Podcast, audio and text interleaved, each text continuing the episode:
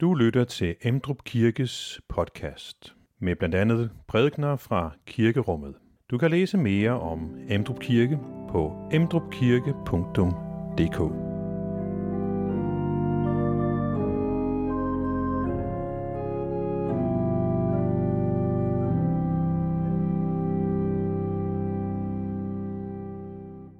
Vi vil prøve at møde det, som Markus vil fortælle os om Jesus. Øh, han er sagt lige efter støvet har lagt sig, efter sporene er sat sig der i, i den galilæiske muld, øh, for at, at stille spørgsmålet om, jamen, hvad er det, du vil sige, Markus, når du kalder det, Jesus gør, et evangelium? Hvad er evangeliet så? Og hvad betyder det for mig? Øhm, og når vi laver den bevægelse, så er vi altså i godt selskab. Vi er i selskab med de mennesker, vi skal møde nu. Det er, det er virkelig ikke bare en tankeøvelse, det her. Øh, jeg laver den selvfølgelig, fordi at vi øh, nogle gange, og, og med rette jo prøver at læse Bibelen for at finde ud af, regne den ud, altså, hvad, hvad er læresætningerne her? Og det skal vi også. Øh, men Markus fortæller os om, hvordan helt almindelige mennesker kommer hen og møder Jesus, har hørt et rygte, der er løbet i forvejen for ham. Øhm, og så kommer med det, som er deres liv til ham. Og ser, hvad betyder det for mig? Hvad gør det ved mig? Øh, nogen vil have responderet helt fantastisk på de ord, Jesus sagde. Nogen vil have haft noget, der var i deres krop eller i deres tanker, som øh, var det, der fyldte horisonten ud. Og, og alt sammen har Markus altså sat ind under den her overskrift, begyndelsen på evangeliet om Jesus Kristus, Guds søn. Og hvis vi så rykker ned til vers 14 og 15 i, i Markus evangeliet kapitel 1, så får vi så et resume af, øh, det første af flere resuméer, Markus giver, hvad det var, Jesus så forkyndte. Hvor vi læser, at efter Johannes var blevet sat i fængsel, kom Jesus til Galilea og prædikede Guds evangelium og sagde, tiden er inde, Guds rige er kommet nær, omvend jer og tro på evangeliet. Så Jesus kommer altså til Galilea på en måde, der på den ene side er så lav, som man overhovedet kan forestille sig. Han kommer på en måde, hvor man bare kan møde ham. Også på en helt anden måde, end, end, end nogen kirke, tror jeg i virkeligheden, siden har været i stand til. Altså tærsklen til at møde Jesus er så lav, at hver eneste gang, at nogen forsøger at gøre den høj, så i rette sættes de. Som for eksempel, da disciplene ikke mener, at Jesus skulle bruge tid på børnene. Så han kommer altså på den ene side på en måde så, øh, ja lige præcis, hvis jeg kan bruge det her ord, umidlet, altså uden at det kræver en mellemmand. Man kunne bare komme til Jesus, øh, trænge sig ind på ham. Og på den anden side, så kommer han med et budskab, øh, og skal vi se lige om lidt, med en gerning, som er taget fra den øverste hylde, som har den dybeste og største kraft i sig, øh, nemlig ud fra Esajas evangelie. Tiden er inde, Guds rige er kommet nær, omvend jer og tro på evangeliet. Det er nærmest en omskrivning af de steder, vi har været forbi i Esajas. Hvad var det, budbringeren skulle råbe på bjergene? Det var til Sion, at nu kommer din Gud, han kommer med sin herlighed, han kommer, fordi han er konge. Esajas 52, 7, se Israel, øh, din konge kommer til dig. Øhm, og lige efter det sted, som Markus citerer der til indledning i, øhm, øh, i sit vers 3, som er hentet fra Esajas kapitel 40, vers 3, ja, så møder vi også budbringeren på bjergene, der skal sige til Jerusalem, øh, at nu kommer Gud som den store hyrde, der vil trøste jer. Så den allerøverste hylde, at Gud kommer tilbage, Gud kommer igen, han kommer med sejrsbudskabet, det som flytter dem fra den ene situation, fra fangeskabet, fra den mørke situation, og så over i den anden situation, den lyse situation, frelsens situation. Det er altså det budskab, Jesus går ind i. Og nu gør vi så det, at vi prøver at vandre ind i det med det, som så er os. Det, som er vores situation, det, som er vores liv. Og stanser nogle steder for at se, hvad det er, Jesus så siger, og hvad det er, han gør. Øh, og det bliver desværre langt fra det hele, vi kan nå, øh, fordi vi vil også gerne øh, vil til Jerusalem, men vi laver nogle nedslag her i Galilea, inden vi så i, i næste time tager til Jerusalem, og altså alt sammen under den her overskrift. Jamen, hvad er så evangeliet, Markus? Hvorfor er Jesus et godt budskab om en sejr, der gør, at retfærdigheden kommer, det gode kommer, øh, og måske dybest set, hvis det går rigtig godt, at vi så vender tilbage til den situation i haven, hvor vi umiddelbart øh, kunne gå og, og møde vores Gud. Og lige efter vi har fået det, det første af flere øh, opsummeringer øh, hos Markus af, hvad Jesus siger, så kommer der en hændelse, øh, som vi helt sikkert kan se for os, og hvis vi har været så heldige at gå i søndagsskole med flenografbilleder, så kan vi i hvert fald med Jesus, der kommer der langs søen, Galileas sø, og han ser nogle brødre, der er i gang med at fiske, og han kalder på dem og siger, kom og følg mig, jeg vil gøre jer til menneskefiskere. Øhm, en ting, som jeg tror nok overraskede mig lidt, første gang jeg var i Israel og, og læste det her sted om Jesus, der kalder de første disciple til at følge ham, det er, at det er faktisk ikke sådan, at de fiskere, der står her, de var desperationen nær, så de kunne ikke gøre andet end at følge Jesus. Altså det var ikke sådan, at, øh, at de var lige ved at dø af sult. Øh, Genesaret Genesrets sø buner af fisk. De kunne have lavet så meget andet. Øhm, og Markus fortæller os to gange, at de er i gang med noget, der involverer deres far.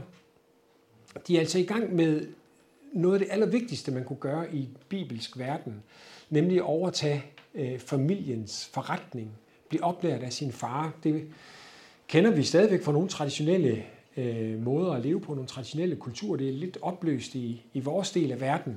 Der skal vi ud og, og være os selv. Men man var på en helt anden måde et kollektiv øh, i Israel på Jesu tid, end, end vi er det i dag.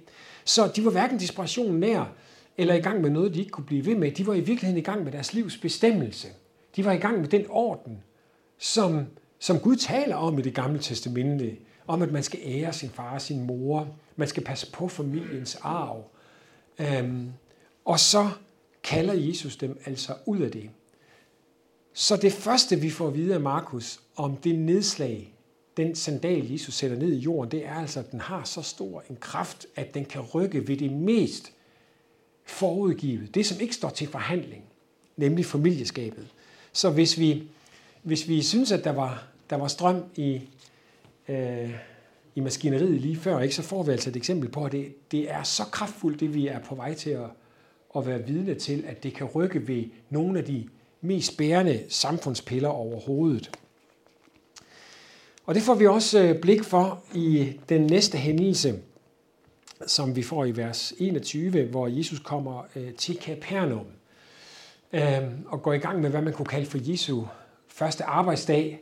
Han har sikkert været der nogle dage, og øhm, så går han så ind i synagogen, øhm, da det bliver sabbat, og går i gang med en, øhm, en måde at agere på, som i virkeligheden bliver et programpunkt for ham. Altså hvis man tog politikernes program, det er jo det, man ikke skal gøre med dem. Øh, Lars Lykke, han, han har fået ørerne i maskinen her, ikke også ved, hov, mener du virkelig det, der står i, i dit programpunkt omkring folkepensionen? Ja, altså, nu får vi Jesu programpunkter her, ikke? Altså det, som han har skrevet ned, og som vi kan holde ham i ørerne på, og det er på den ene side, at han står frem og forkynder i vers 22 som en, der har myndighed, og ikke som deres gamle præster. Nå nej, det stod der ikke, der stod skriftkloge.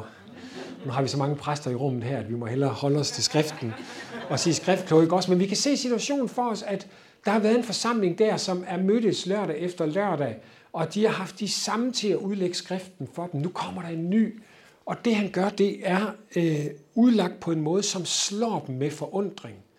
Han taler som en, der har myndighed. Det, det ord kunne man også oversætte med kraft, altså en, som tager al den styrke, der er i Guds løfter i skriften, og gør dem til nutid. Og de bliver slået af forundring, de bliver ud af sig selv. Og det er den første side af Jesu program, som vi kommer til at se, og især hvis vi læste hele Markus evangeliet, som kendetegner Jesus, det er, at han forkynder. Han udlægger Guds ord. Han taler om, om de store ting, øh, og han taler om dem på en måde, så de kommer i øjenhøjde, så de kommer i nutid, så de rører ved mennesker, så de bliver slået af forundring. står ud af sig selv. Sådan kunne man også oversætte det, der står der, altså de, de himler. Nu kommer så det andet punkt, fordi netop da så var der så en i deres synagoge, en mand, som havde en uren hånd, og han skreg, hvad er det, vi har med dig at gøre, Jesus fra Nazareth, er du kommet for at ødelægge os? Jeg ved, hvem du er, du er Guds hellige, men Jesus truede ånden og sagde, ti stille og far ud af ham. Den urene ånd rev og sled i ham og gav et højt skrid fra sig og for sig ud af ham. Og så siger de så for anden gang, de folk, der er i synagogen, de blev alle sammen så forfærdede, at de sagde i munden på hinanden, hvad er dette? En ny lærer med myndighed. Selv de urene ånder befaler han over, og de adlyder ham. Så det andet til Jesu programpunkt, det er, han gør, hvad han siger. Det er så der, hvor han så ikke ligner politikerne. Ikke? Han forkynder om Guds godhed, og han demonstrerer Guds godhed. Han taler om Guds store værker, og han kropsliggør Guds store værker. Han går i gang med at berøre en verden, som er knus, fragmenteret og ødelagt. Og det er jo i virkeligheden det, der skete der i haven. Det, som lignede bare en lille ting, bare lige en lille ting at, at strække hånden ud der, introducerede det øjeblik, de tog den frugt, så introducerede det en bølge af ødelæggelse og destruktion, som spredte sig igennem verden derfra, så den ikke bare ødelagde forhold til Gud for dem, men jo altså også forhold til hinanden og efterfølgende forhold til verden og, og arbejdet, som blev underlagt forbandelse. Nu kommer der altså en Jesus fra Nazareth her og forkynder om Guds evangelium fra den allerøverste hylder, fra de dybeste håb og drømme, som folk havde på Jesu tid, og demonstrerer, hvilken kraft, hvilken myndighed, hvilken omgørelse der er af den ødelæggelse, der blev introduceret af, af syndefaldet. Så man kan virkelig altså godt forstå, at de folk der i synagogen i Capernaum, de har været ude af sig selv. Og man kan også godt forstå, at efter Jesus han så lige efterfølgende har fået sin, sin sabbatsfisk, øh, og det så bliver aften, så sabbaten er slut, så man igen kan give sig til at, at lave noget, at folk i byen så stemler sammen rundt om ham, så de ikke engang kan komme ud og ind, og han må arbejde til efter det bliver aften, som der står. Og man kan også godt forstå, at øh, Jesus oven på sådan en omgang har brug for at drage ud til et øde sted, øh, som vi får at vide, han gør i vers 35, ud for at bede, fordi han har brug for at, at have stillhed og at være i nær kontakt med sin far, øh, fordi det er så øh, det er så voldsomt, det der sker. Og man kan også godt forstå, at disciplene, de fire, der er kaldet her indtil videre, at da de så efterfølgende vågner op, øh, niver sig selv i armen og spørger sig selv, var det en drøm? Og det bliver det sådan, nej, det var det ikke. Det skete virkelig, men hvor er han? Han er væk. Vi må ud og finde ham. At de så løber ud for at finde ham øh, og vil have ham tilbage til Kapernaum. Nu har de jo fået, hvad de har drømt om.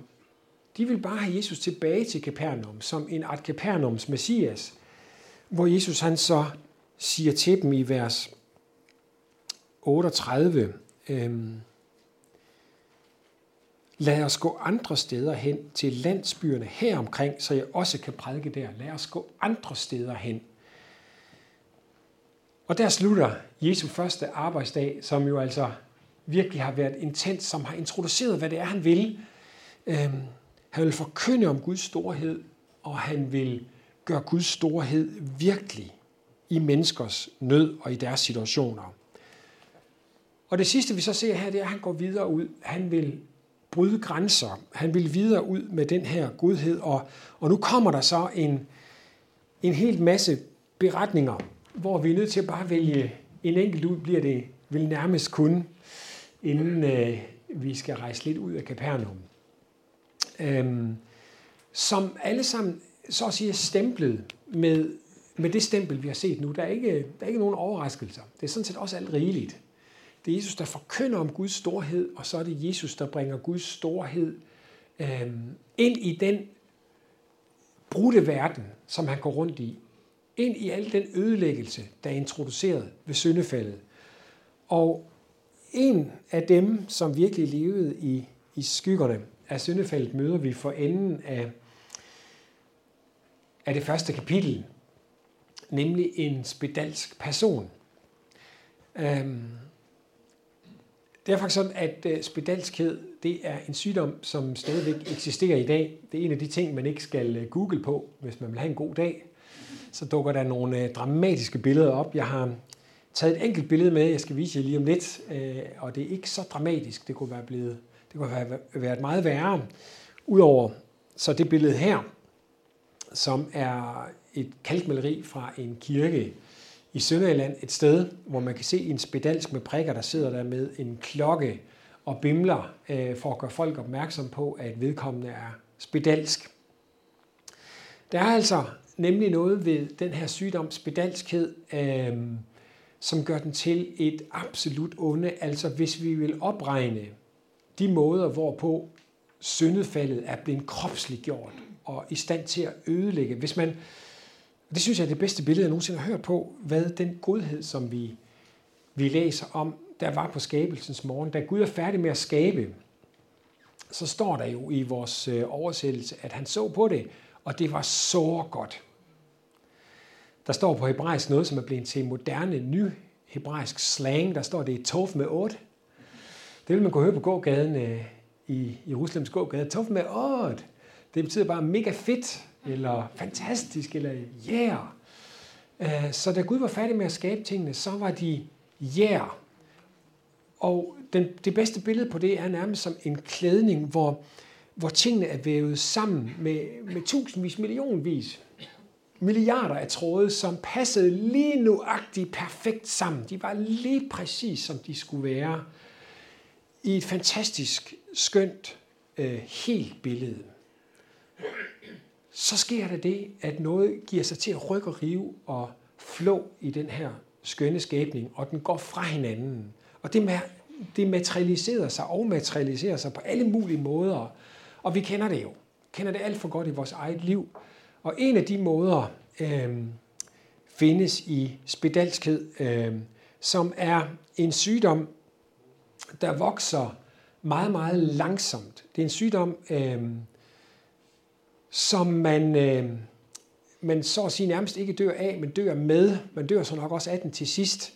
Øh, måske kan man sammenligne det lidt med, øh, med en anden forfærdelig sygdom, nemlig kræftsygdommen, som gror ind i kroppen. Så har spedalskhedssygdommen øh, den evne, at den gror uden på kroppen. Den angriber det, som lægerne kalder for ekstremiteterne. Det er et, en bakterie, som tager ved kroppen der, hvor kroppen er mindst øh, modstandsdygtig. Så den starter i øh, ekstremiteterne, det vil sige hænderne, øreflipperne, næsen, øh, tæerne osv. Så, så arbejder den sig ind i kroppen, til den øh, får ved selv skelettet. Og det kan altså tage mange år, øh, 20, 30, 40 år, inden man dør af det. Rent faktisk, så kan arkeologer se på skeletter, når de graver dem ud, om de har været spedalske. Øh, og grund til, at jeg viste jer øh, det her billede lige før af en, øh, en, et øh, kalkmaleri fra en kirke, det er, at den katolske kirke i middelalderen drev sådan nogle spedalskedshospitaler, øhm, som arkeologer udgraver. Her skal vi se nogle kranier fra øh, en udgravning, det vil sige kun en af dem er fra en udgravning nede på Fyn, rundt om sådan et spedalskedshospital. På den ene side, så ser vi faktisk et helt normalt, sundt kranium. Han har lige fået slået en enkelt tand ud i et slagsmål, men, men ellers ikke også, så er han frisk og rask. På den anden side, der ser vi et kranium af en, der har været angrebet af spedalskhed øh, og, og kraftigt angrebet. Prøv at lægge mærke til, hvordan øjenhulerne er faldet ned, øh, tænderne er nu væk, og der er hul i ganespalten. Altså, kroppen er, er faldet fra hinanden. Og det har altså taget et liv. Øh, hvis vi går tilbage til, til ham her, som i øvrigt også er katolik, en katolsk præst, der arbejdede blandt spedalske på Hawaii i 1800-tallet, øhm, så har vi et, et billede af den her spedalske sygdom, som også i antikken blev kaldt for elefantsygen. Øhm, og hvis vi nu skal prøve at bruge det, vi har set her, øh, og zoome ind på manden i slutningen af kapitel 1, så udover det, at det er en frygtelig sygdom, en, en frygtelig menneskelig sygdom, så er det det oven i hatten, at øh, som jøde, så vil du udover at have den frygtelige menneskelige sygdom, også være, være blevet ramt af social isolation og religiøs isolation. Og grunden til det finder vi i det gamle testamente. Den længste lov, der er i 3. Mosebog med alle lovene, det er loven om spedalskhed. Den følger to kapitler. Kapitel 13 og 14 i 3. Mosebog omhandler spedalskhed. Og den omhandler, hvordan at man skal adskille det spedalske fra det, der ikke er spedalsk. Fordi det spedalske har en urenhedskraft i sig. Rent faktisk kommenterer de senere jødiske øh, kommentatorer til, til, til det gamle testamente det med, at en spedalsk er som et levende lig. En zombie, der går rundt øh, og spreder den højeste grad af urenhed. Der var sådan forskellige grader af urenhed. Og den højeste grad af urenhed, det er det, et lig har. Som det tager syv dage at rense sig fra. Og et lig kan man jo kontrollere. Det går som regel ingen steder på, nær, på mandag aften til Halloween. Ikke? Øh, der skal I passe på at åbne døren. Men ellers så går lige ingen steder. Så kan man kontrollere, og gravene kan man afmærke. Men en spedals, der har samme urenhedskraft i sig, altså den samme negative kraft som et lig, kan man ikke kontrollere. Vedkommende går jo rundt. Så derfor har man den her lange lov om, hvad man skal gøre med dem. Og de skal isolere sig. De skal bo uden for byen, og de skal råbe uren. Og senere kom til Tore og siger, at det er okay, hvis børn tager sten op og kaster efter dem, hvis ikke de råber uren. Så for måske at, at, at gøre det helt konkret øh, og menneskeligt, for det er jo det, det var. Det var helt almindelige mennesker, der lever her. Så lad os forestille os en person, øh, vi kunne kalde ham Mathias, som blev gift med den skønne Johanna fra Capernaum og øh, øh flyttede ind. Øh, de flyttede ind, de byggede sådan en lille annex til, til familiens hus der i Capernaum og arbejdede på fiskerbåden, og det så bare så lyst ud. Det så rigtig godt ud. Først kom der et barn, til så kom der et barn mere, og der var altså fisk nok på søen. Øh, til så pludselig en dag, så opdager Mathias der, at der er en plet på hans arm. Han tænker jo, at øh, det er bare solen, jeg går rundt her ved søen af Capernaum. Jeg er ude på søen, og den er skarp, så jeg smører lidt olivenolie på og trækker ned i kjortlen, så det gør han. Men pletten går ikke væk, den vokser. Øh, øh, Johanna får øje på den, og, og den vokser ud over kjortlen, så han til sidst ikke kan strække den ned.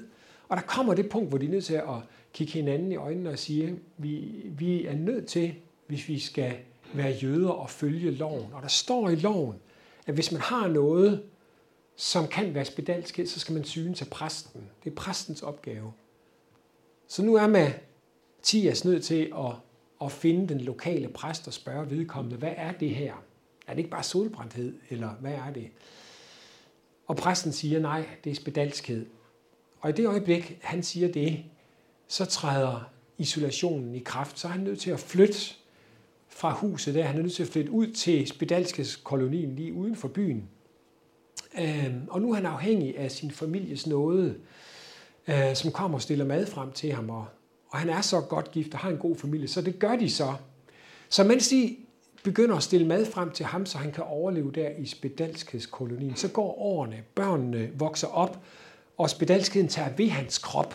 Den begynder at deformere ham udefra og ind, øh, til sidst til sådan en grad, at han tager hætten op, når de unge døtre kommer, øh, for at de ikke skal se det ansigt, der nu er blevet øh, hans ansigt.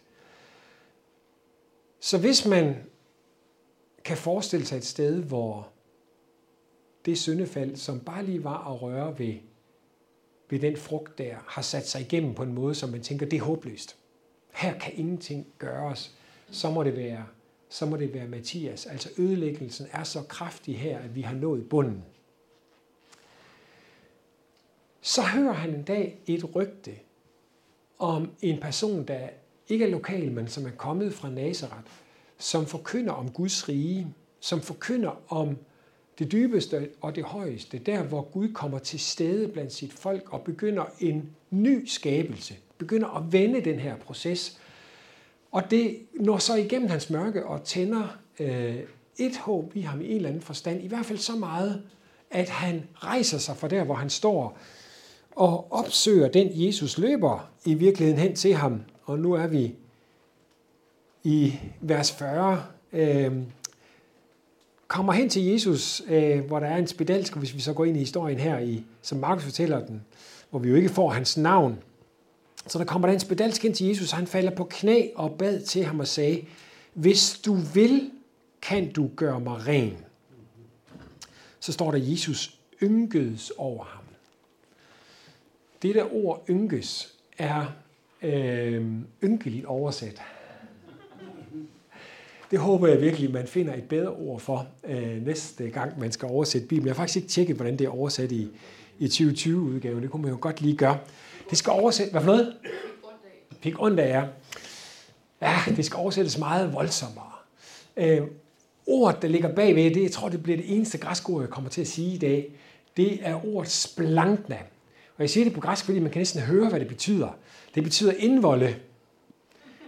Splankna, indvolde. Er næsten ikke også? Øhm, så grækerne tænkte med kroppen. Det sted, man virkelig bliver berørt, hvis noget gør dybt, dybt ondt i en, det er jo nede i indvoldene. Det slår normalt, når vi, når vi møder noget ondt i verden, så har vi vores øh, filtre, vores pans, øh, panser klart, ikke? Også, så det går forbi os. Men I kan helt sikkert, ligesom jeg, hvis I tænker efter, øh, komme i tanke om nogle situationer, hvor panseret af en eller anden grund ikke var der, og noget fik ved os så dybt, at det virkelig sådan slog os i maven. Det lykkedes mig at komme i tanke om to tilfælde i mit liv. det er flot, men øh, lad mig bare fortælle den sidste. Øh, den sidste gang, hvor et, noget jeg mødte, eller sådan et billede, som virkelig slog mig på en måde, så jeg sådan, altså blev helt omtoget af det, var, øh, da vi havde den store flygtningekatastrofe hen over Middelhavet øh, med flygtninge, i sådan cirka i 2015, øh, hvor Jonathan han var to år, og vi så får det her billede af en druknet dreng, der ligger der på klippen øh, i Jonathans alder, hvor det altså, slog mig så dybt og, og, og gik fra at være tal og numre og mennesker, som ikke har noget at lave, og alle de panser, man kan sætte op til at være et menneske, som ikke havde skyld, som nu lå med ansigtet i klippen og var druknet. Det er den følelse, der rammer Jesus. Han er altså ikke på afstand. Han er ikke en Gud i det fjerne. Han er en, som bliver berørt så dybt, som vi kan som mennesker. Og i virkeligheden, hvis vi tager det her græske ord flytter tilbage til det hebraiske, så finder vi ordet for livmor. Det ord, som betyder livmor i det gamle testamente, når det gamle testamente bliver oversat til græsk, så bruger de det ord her. Altså Jesus rammes i livmoren. Han rammes med så dyb en følelse, at i virkeligheden kun en mor kan have den. En mor, som vil gøre alt for at, at redde sit barn. Og så går han ud af sig selv. Han går videre, end loven på nogen måde giver lov til. Øh, nærmest som om Markus går i slow motion, så står der, han rakte hånden ud, rørte ved ham og sagde, jeg vil blive ren. Altså ikke nok med, at den spedalske får lov at komme tæt på. Han rækker hånden ud og rører ved ham og siger, jeg vil og blive ren. Og straks forlod spedalskheden ham, og han blev ren. Så Jesus har altså en Guds rige forkyndelse og en Guds rige nyskabende kraft i sig, som kan komme i berøring selv med det dybeste mørke, der hvor man kan sige, at skabelsen er faldet så meget fra hinanden, at man tænker, at det her kan ikke omgøres. Øhm, men det repræsenterer Jesus altså et modsvar på. Så måske er der ikke så meget at sige til, at, at folk i, i stor stil, de flokkedes om ham. Øhm, og det var svært for ham. Han kunne ikke længere gå ind i nogen by, som vi læser på, som afslutning på den her beretning. Men det er i virkeligheden også en overraskelse, at, øh, at ikke alle tog imod det. Øhm, hvis vi læser videre fra, fra den her beretning, får vi nu en, en række af slagsmål, af lovslagsmål, af teologiske slagsmål, hvor de jøder, som var lærte og som kunne det gamle testamente og kunne se, citere Isaias udenad, de rent faktisk ender med at beslutte at slå Jesus ihjel. Prøv at se i kapitel 3, vers 6. Der gik farisæerne straks ud, og sammen med herodianerne træffede de beslutning om at få slået ham ihjel. Så vi får altså, lige efter Jesus er trådt ind på scenen, så at sige, og er kommet til Capernaum og har vist, hvad hans program er, og forkyndt om Guds godhed og udvirke Guds godhed, ja, så får vi at se, hvordan at på den ene side, så er der folk, der flokkes, folk, der har mørket skygger i sig, der flokkes omkring ham, og så er der altså andre, som vender sig imod ham. Øhm, og det kommer til at løbe nu som en, en tråd fremad i, øh, i evangeliet. Øhm, spørgsmålet om, vil man tage imod det, Jesus kommer med? Den godhed, han kommer med, vil man tage imod det, eller vil man afvise? Og det vi skal, øh, inden vi kommer til Jerusalem, det er, at vi skal fokusere på en tråd, Markus øh, lægger ind og vil have os til at få øjnene op på offer, som har noget med brød at gøre. Og jeg kan godt se, at det er lidt farligt at lægge den ind og begynde at tale om brød her. Så tæt på frokosten. Øhm, men der er frokost kl. 12, skal vi ikke bare sige det? Og så kan vi godt holde til at læse om Jesusbæreriet, om det grænsesprængende brød, der er i, øh, i Markus evangeliet. Det var øh, måske i virkeligheden en af de allerstørste aha-oplevelser, jeg havde første gang, jeg var i Israel, at opleve, hvordan at det brød, Markus taler om, bærer en dyb pointe. En dyb pointe om, hvem Jesus er og hvad han vil. Øhm, så meget så, at man nærmest skal kalde det her brød for en skygge af Golgata. Man kan kalde det for Galileas Golgata, om man vil. Jeg havde lært hjemmefra, jamen det er fordi, at evangelisten Markus, han havde ikke helt styr på det. Det var det, min universitetslærer sagde, så der var lidt forskellige der var, lidt, der var lidt meget tale om brød blandt de første kristne, og så skulle han have lidt med, og så kommer han til at fortælle om to brødunder, når der i virkeligheden kun var et. Så skal vi prøve at se, hvordan at, at der var to, og de to, de havde en meget nær sammenhæng og bærer en sammenhængende pointe øh, om, hvem Jesus var og hvad han vil. Og de kommer fra enden af kapitel 4, der begynder vi øh, på det første, øh, mere eller mindre. Øh, og i starten af kapitel 4, der har vi det store lignelseskapitel, hvor Jesus blandt andet fortæller om sendopsplanten, som et andet toårigt barn, jeg har haft, vores ældste barn, Johanne, hun står og holder op her. Og lige efter de lignelser, så står der i kapitel 4, vers 35, Samme dag, da det blev aften, sagde Jesus til dem, lad os tage over til den anden bred. Den anden bred.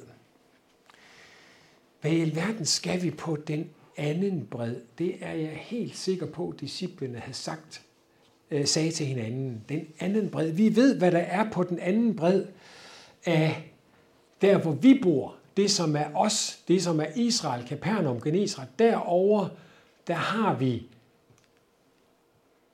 hedningerne. Ja, der har vi dem, hvis skrig vi kan høre om natten, når vinden øh, kommer fra øst. Dem, som dyrker svin og spiser svin. Dem, som blev smidt ud, da Gud indtog landet, og som følge gammel jødisk tradition øh, under Josva øh, blev sat til at bo herover. Dem, som for nylig på grund af romerne nu har fået et forbund, som skulle være et værn mod jøderne. De kalder det for Tistatsforbundet, de ti byer. Dekapolis, som er lavet, fordi at jøderne ikke må få for meget magt. Dem, som er vores øh, værste fjender, og dem, som hvis der nogensinde er et dem og et os, så er det dem. Hvad i verden øh, skal vi derover? Og øh, det spørger de jo så også om derover. Øh, de beder ham om at forlade egen, da han så kommer derover. Det er der, han møder en, som ikke bare er besat, men som er multibesat. Besat af en hel legion, måske endda en romersk legion af dæmoner. Øh, men Jesus han gør, hvad han gør, og hvad han gjorde i Capernaum, og viser, at der er godhed nok, og der er kraft nok i det, han bringer, til at nå selv over på den anden side. Så manden herover han bliver helbredt. Øh, og han vil egentlig gerne med tilbage til Capernaum, kan vi se i vers 18. Øh, men det afslår Jesus og sender ham op i bjergene, op til sine egne, som der står. Øh, gå hjem til dine egne, altså ikke jøderne, og fortæl, hvad Herren har gjort imod dig. Og det gør han så. Han giver sig til at prædike i Decapolis. Og det lader vi ham gøre. Vi sender ham op i bjergene der og bladrer lidt videre frem i, i Markus evangeliet. Jesus kommer derefter tilbage til jødisk område øh, tilbage til Capernaum. Han kommer endda en tur til Nazareth øh, i starten af kapitel 6. Han sender disciplene ud øh, for at gøre, hvad han gør, øh, forkynde og helbrede. Og efter det, så møder vi så det med brødene, hvor brødene begynder. Der står i kapitel 6, vers 30, at apostlene samledes igen hos Jesus, og de fortalte ham om alt det, de havde gjort, og alt det, de havde lært folk. Altså de her to ting præcis. Gøre og lære. Og så siger han til dem, kom med ud til et øde sted, så vi kan være lidt alene. Og der er så mange folk der. Øhm, og disciplene, de vil have dem øh, sendt hjem. Øh, men Jesus, han ynkes over dem, igen som vi ser i vers 34, for de var som får uden hørte, han gav sig til at lære dem mange ting. Men frem for at følge disciplenes ønske om at sende dem hjem i vers 36, så siger Jesus til dem, giv i dem noget at spise. Og de står der og måber, som vi kender disciplene, de kan ikke øh, lægge to og to sammen, som vi jo skal se lige om lidt. Det kan de altså ikke. Øh, og spørger dem, skal vi gå hen og købe for 200 denar brød, så vi kan give dem noget at spise? Og Jesus spørger, hvad har I? Gå hen og se efter. Og da de gjorde det, sagde de, fem og så to fisk. Og det løfter Jesus op som tak til Gud, velsigner det, og de begynder at dele det ud, og vi får det første brød under, øhm, hvor der har været 5.000 mænd, som vi ser i vers 44, øh, og da det, de samler sammen af det, der er til overs, så er der 12 kurve. Og øhm, den sammenhæng mellem, at vi er i Galilea, og der er 12 kurve, øh, leder naturligt tankerne hen på de 12 stammer. Og det gør det naturligt, fordi at det at kunne give brød på et øde sted, også leder tankerne hen på de 12 stammer, nemlig Moses i ørkenen. Moses, som var i stand til at løfte hænderne, bede til Gud og lade Gud mætte folket der, hvor man ikke skulle tro, man kunne blive mæt. På samme måde kan Jesus nu her løfte hænderne og mætte folket der, hvor man ikke skulle tro, man kan blive mæt. Så det første brødunder øhm, rummer altså, hvad skal man sige, på overfladen en fysisk pointe. Folk, der var sultne, der blev mæt.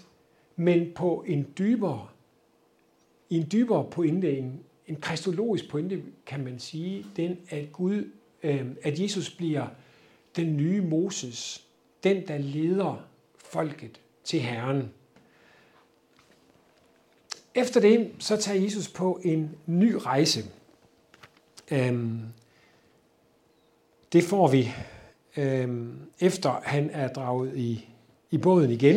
Det vil sige, at han har sendt disciplene afsted. Vi kan se i kapitel 6, vers 45, han beder disciplene om at gå ombord i båden og tage imod Bethsaida. Det gør de sammen. Der kommer en, en vældig storm. Han kommer gående til dem på vandet, og de er ude af sig selv, og de tror, det er et spøgelse.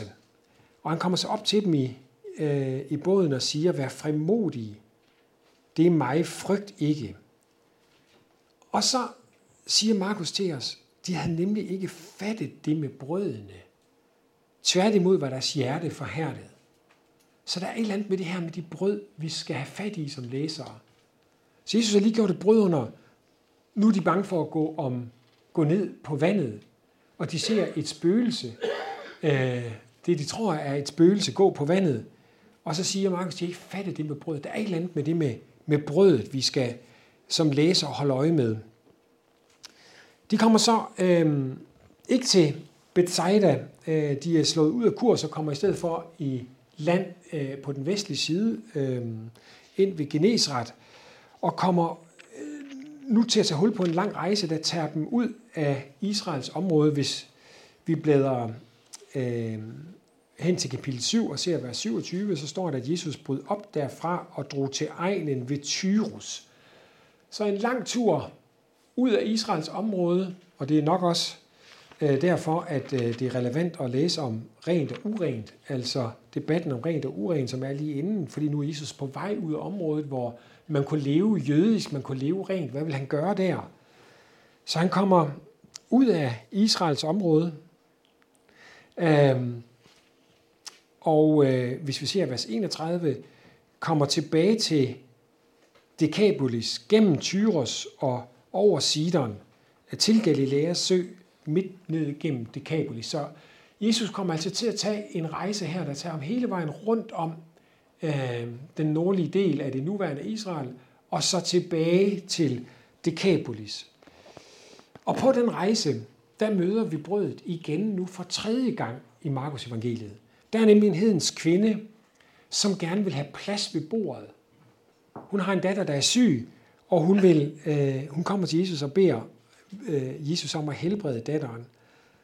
Og det afviser Jesus i første gang øh, og siger, lad først børnene blive med det, for det er ikke rigtigt at tage børnenes brød og give det til de små hunde. Men så bliver kvinden ved og siger, herre, de små hunde æder da af smulerne under bordet, det som børnene taber. Og det bevæger Jesus, øh, og han helbreder hendes datter. Så der er smuler på vej, smuler, der er brød åbenbart, uden for de 12 stammer. Det som i den første pagt i det gamle testamente var reserveret til de 12 stammer, er nu ved at, at vokse ud af den gamle fortælling og ind i en ny fortælling. Og det øh, er sådan, øh, det ender, det får vi så at se, da vi er tilbage i Decapolis. For prøv så at se i begyndelsen af kapitel 8, der læser vi, at i de dage var der igen en stor skare, som ikke havde noget at spise.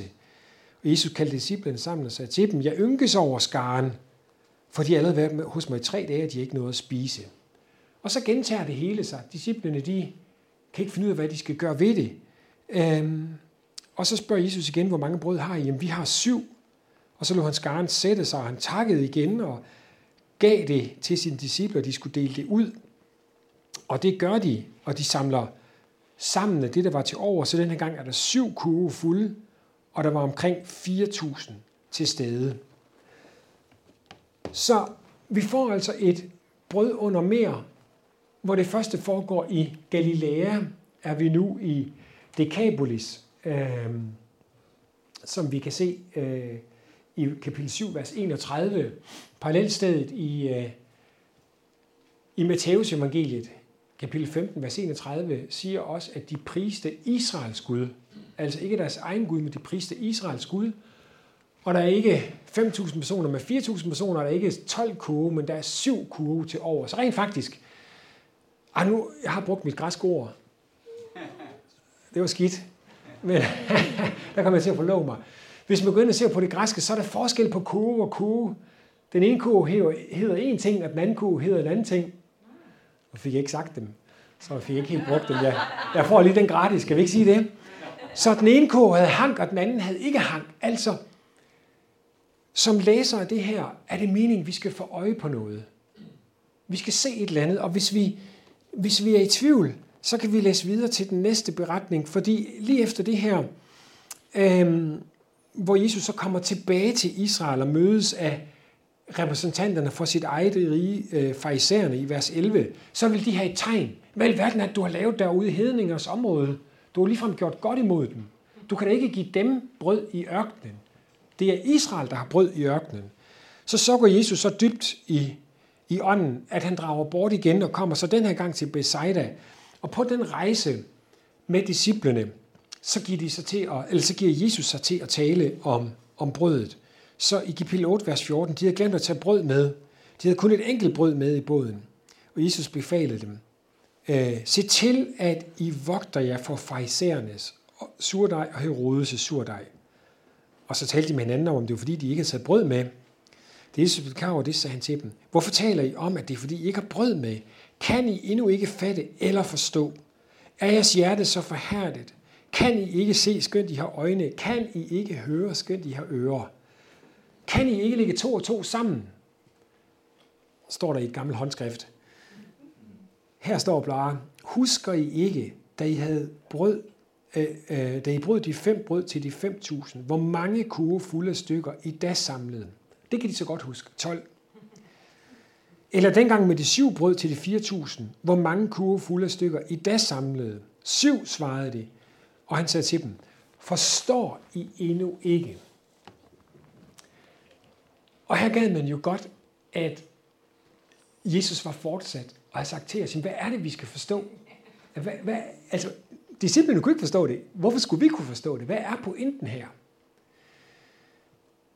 Ja, pointen er jo i virkeligheden lige for næsen af os, og den ligger i den rejse, vi er i gang med at tage, hvor vi kan se, at Jesus til synlædende repræsenterer en godhed og et kald, som ikke kunne begrænses.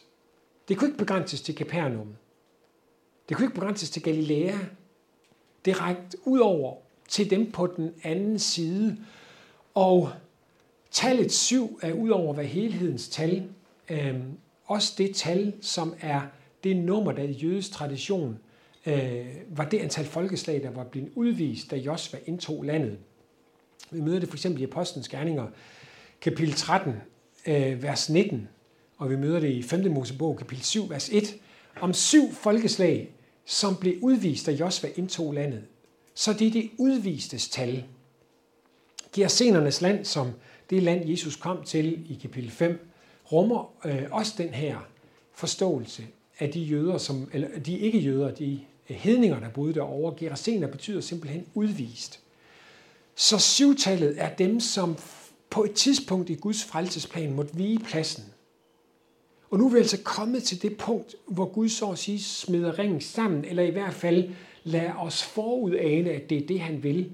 At han vil lade sin godhed komme igennem i en sådan grad, at der ikke bare er nok, og ikke bare nok til dagen, men til dagen og sabbaten for jøderne, men også for hedningerne.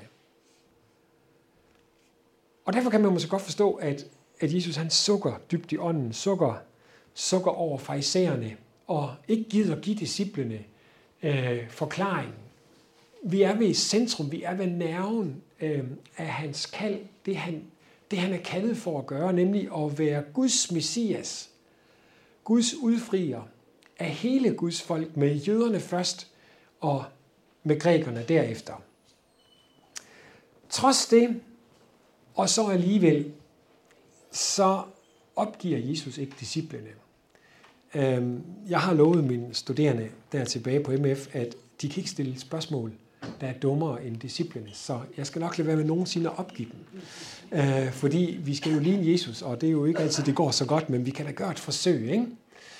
Så man kunne godt sige på det her punkt, hvor Jesus har demonstreret, hvad vi altså kunne kalde for Galileas Golgata. Han har så at sige vist på forhånd, hvad det er, han er på vej til at gøre.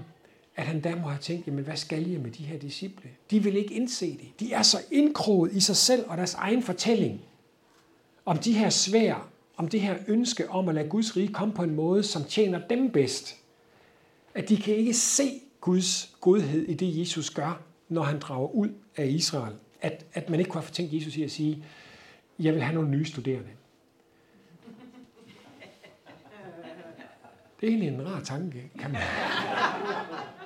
nej, den skal vi ikke gå videre ned af, kan jeg se. Øh, men det gør han altså ikke. Og øh, det sidste, vi skal se på, inden vi skal have vores brød, det er, at Jesus tager disciplene med på, hvad man kunne kalde for en uddannelsesrejse i kapitel 8. Øhm, og så kapitel 9, hvilket leder frem til, at kapitel 10 tager til Jerusalem. Øhm, så de kommer i land i Bethsaida i vers 22 kapitel 8 og drager derfra op til Caesarea Philippi, som ligger helt mod nord, derop hvor Hermonbjerget er, øhm, og hvor Jesus nu vil have fokus. Han vil have disciplinens fokus. Hey, nu, nu er det nu. Nu skal I forstå, hvem jeg er. Han spørger, hvem siger folk, at jeg er, og de mumler lidt i det. Lidt til den ene side, øh, og lidt til den anden side, indtil Peter tager til ord og siger, du er Kristus. Og det er faktisk det rigtige svar. Her er Peter på det rette spor. Øhm, men lige efter fortæller Jesus så for første gang, hvordan han vil lægge indhold i det at være Guds messias. Og siger i vers 31, øh, så begyndte han at lære dem, hvordan at menneskesønnen skulle lide meget og forkastes af de ældste og ypperste præsterne, de skriftkloge og slås ihjel tre dage efter. Og stillet over for den oplevelse af, at den magt og det kald, som Peter regner med, at Jesus er på vej til at udvirke for ham i Jerusalem, Guds rige, at det har noget med korset at gøre, så er det altså, at Peter han giver Jesus blå mærker. Og det tænker jeg, han har fået. Det står også bare i et gammelt håndskrift, så det er ikke kommet med i oversættelsen. Men Jesus, Peter tager altså Jesus og tager ham til side. Jeg tænker, rykker ham til side for at sige til ham, sådan kan man ikke være messias. Det er umuligt. Du kan ikke vise mig det sted i skrifterne, hvor det står, at messias skal korsfæstes. Kan du? Hvis du går til Jerusalem og dør, så mister vi vores tro, så mister vi vores håb. Markus er, som ifølge den oldkirkelige tradition var Peters tolk. Peter lærte aldrig det græske rigtigt. Så han har brug for den unge Johannes Markus til at oversætte for ham, når han prædikede. Så det er Peters prædikennoter, som Markus er. Det vil sige, Peter er hudløs ærlig omkring, at det her, det kunne de ikke forstå. Det gik over deres fatteevne.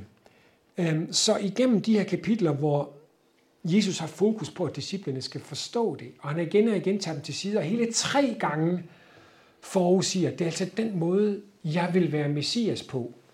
Jeg vil til Jerusalem for at lide og dø og opstå. Der bliver konflikten mellem Jesus og disciplene blot større. Øhm, så meget så, at da vi havner foran Jerusalems byport, som vi møder i kapitel 11, så spørger man sig selv til sidst, jamen, vil der overhovedet være nogen, der kan se det, Jesus kommer til at gøre i Jerusalem, og så tro? Eller vil de, når de ser korset, når de stilles over for lidelsen, vil de så flygte i mørket? Ja, vi, øh, vi skal til at have frokost. Øh, jeg plejer at sige, at øh, der er altid plads til en historie mere. Underforstået, der er ikke plads til mere belæring, men der er altid plads til en historie med. Det ved jeg ikke, om det er helt rigtigt. Men skal vi lige slutte den her del med en lille historie? Så vi følger altså i virkeligheden et, et mægtigt drama, og Markus lægger ikke fingrene imellem. Det vil sige, Peter har forkyndt det dramatisk, og vist, hvordan at de kunne simpelthen ikke forstå det. Disciplene, dem der skulle have været heltene, de bliver antiheltene. Øhm, jo helt ind i ypperste præstens palads bliver dem, der skulle have været heltene, antiheltene. Var der overhovedet nogen, der kunne forstå den måde, Guds søn vil udvirke Guds storværker på? Ja, der var nogen. Og vi kunne kalde dem for antiheltene. Eller øh, antihelt heltene. Det vil sige dem, som ikke skulle have været helte, men som blev helte.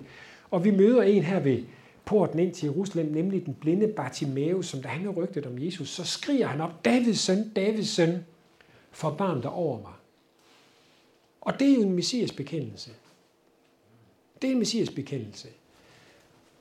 Og for at gøre det til en historie, så vil jeg sige, at ham her Bartimaeus, han minder mig om landsbytossen fra den landsby, hvor, hvor jeg voksede op, Leif Rock her som øh, boede ude for enden af avisruten, som var den avisrute, jeg fik i 7. klasse. Man skulle altid starte længst nede. Der var 15 aviser, jeg skulle aflevere 15 aviser, og hvis ikke Aarhus Stiftstidende havde lagt et sådan grundhonorar ind, så var der aldrig nogen, der ville tage den rute. Så var sådan en så ud, og også, også om vinteren, og i snedriver og det hele, og forfrysninger, så lige, lignede Dick Turpin, hvis I husker ham, der smilede skævt. Øh, nå, for enden af den avisrute boede Leif Rock her altså, som øh, havde fået polio i efterkrigsårene, og derfor øh, gik og slæbte med sine fødder. Måske nogle af jer kender nogen, der fik den sygdom, før man øh, kunne helbrede den, og som heller ikke har været til tandlæge siden krigen, og lugtede derefter, og som snakkede vældig højt, fordi han også var blevet halvdøv og så videre. Altså han var den sidste, som hvis dronningen kom til byfesten, så kunne man tænke sig, at han skulle være der. Og hvis han var der, så ville man altså sige, nu, nu dæmper du dig lige. Ikke? Øhm, men af alle de aviser, jeg delte ud i 7. klasse, indtil jeg skulle på efterskole. Så den eneste, der på noget, nogensinde på noget tidspunkt blev vekslet til en kold sodavand om sommeren, det var ved Leif Rockhærs hus på den yderste del af, af revet der i, i Spøring uden for Aarhus. Han havde altså forstået noget, de andre ikke havde forstået, og den person, vi møder her, havde forstået noget, de andre ikke havde forstået. Måske fordi, at de var et sted, hvor de ikke var så optaget af sig selv, at de kunne se, hvad Gud er i gang med at gøre. Og øh, det spørgsmål kan vi jo så tage med til frokost her. Om vi er et sted, hvor vi kan se, hvad det er, Gud vil gøre i Jesus. Eller vi er så optaget af os selv, at vi kan gå forbi det. Er det virkelig muligt at gå forbi Guds evangelium? Ja, det forkyndte Peter altså, det var. Og nu må vi se, hvordan det går os, når vi kommer til Jerusalem efter pausen. Find flere podcast og læs mere på emdrupkirke.dk.